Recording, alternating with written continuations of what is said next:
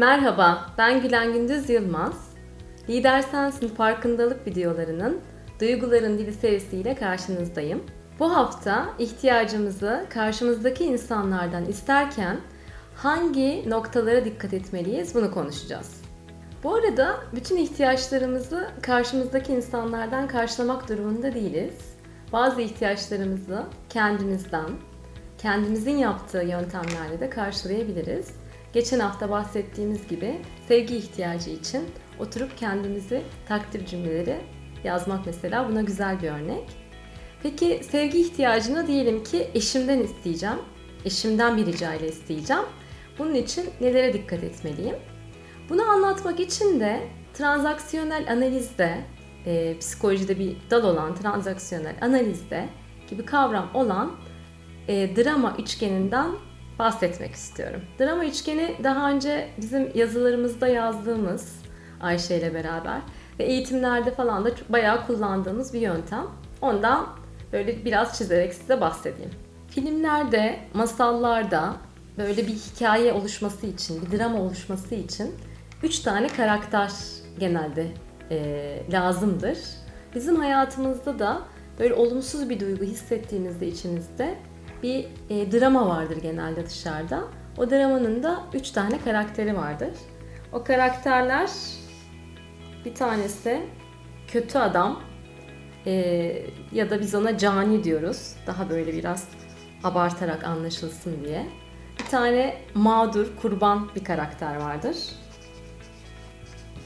Bir de kahraman ya da kurtarıcı dediğimiz üçüncü bir karakter vardır. O da ne yapar? Kurbanı caninin elinden kurtarır. Bizim hayatımızda biz bu drama üçgenini oluşturduğumuzda kim suçlu, kim suçsuz, kim haklı, kim haksız perspektifinden bakmaya başlarız olaylara. O perspektiften baktığımızda da aslında o dramayı çözmek için, o dramanın dışına çıkmak için e, sağlıklı yöntemler geliştiremeyiz. Daha önceki videolarımızda bahsettiğimiz bir kavram daha var. Kalbim savaşta mı, barışta mı diye. Kalbim savaşta mı, barışta mı aynı zamanda drama üçgeni içinde de uygulanabilir. Benim kalbim eğer buranın içindeysem savaşta olur. Drama üçgeninin dışındaysa da kalbim benim barışta olur. Şimdi drama üçgeninin şöyle bir özelliği var. Birisi e, diyelim ki sizden bir şey istedi ve siz içiniz böyle çok istemeye istemeye ona evet dediniz.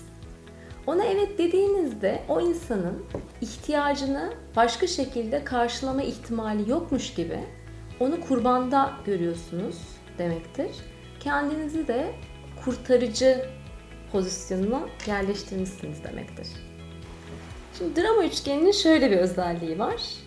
Kurtarıcıya girdiniz ama çok da istemeye istemeye evet dediniz ya o kişiye. Hemen sonra, belki saliseler sonra, belki iki gün sonra dersiniz ki ama o da benden bunu istemeseydi. Niye istedi? Ben şimdi bunu yapmak istemiyorum ki. Ve o noktada kendinizi kurban gibi hissedersiniz. Yine belki saliseler sonra dersiniz ki o da benden bunu istemeye hakkı yok ki, hep benden bunu istiyor ki dersiniz. O noktada da cani olmuşsunuzdur. O caniliği belki arkadaşınıza da dile getirirsiniz. Der ki işte benim iş vardı yapacaktın hani. Siz dersiniz ki ben yapamadım bilmiyor musun başımdan e, işler böyle taşıyor aşıyor dersiniz. Ona da canilik yaparsınız. İhtiyaçlarımızı karşılamak için en etkin yöntem bu drama üçgenine hiç girmemek ve insanları da drama üçgenine e, girmeleri için insanlardan da bir beklentimizin olmaması. Yani ben bir ihtiyacımı karşılamak için karşımdan bir ricada bulunduğumda eğer o ricaya mutlaka o evet demeli diyorsam o kişiyi kurtarıcı pozisyonuna sokmuşumdur. Kendimi de kurban pozisyonuna sokmuşumdur. Kalbim barıştaysa ve drama üçgeninin dışındaysam şayet o zaman ricada bulunurum o kişiden ve onun ricama hayır demesiyle de tamamen okey olurum. Peki drama üçgeninde değilim. Karşımdan ricada bulunacağım ve onun hayır demesiyle de tamamen okeyim. Bu ricamı nasıl yapmam lazım? Bana sevgi göstermeni istiyorum dediğimde karşı taraf hangi davranışta bulunduğunda benim sevgi ihtiyacımı karşıladığını bilemez, karşılayacağını bilemez. O yüzden burada benim çok çok çok net olmam gerekir. Acaba bana çiçek aldığında mı sevgi ihtiyacımı ben karşılamış olacağım? Acaba haftada bir mum ışığında yemek yediğimizde mi ben sevgi ihtiyacımı karşılamış olacağım?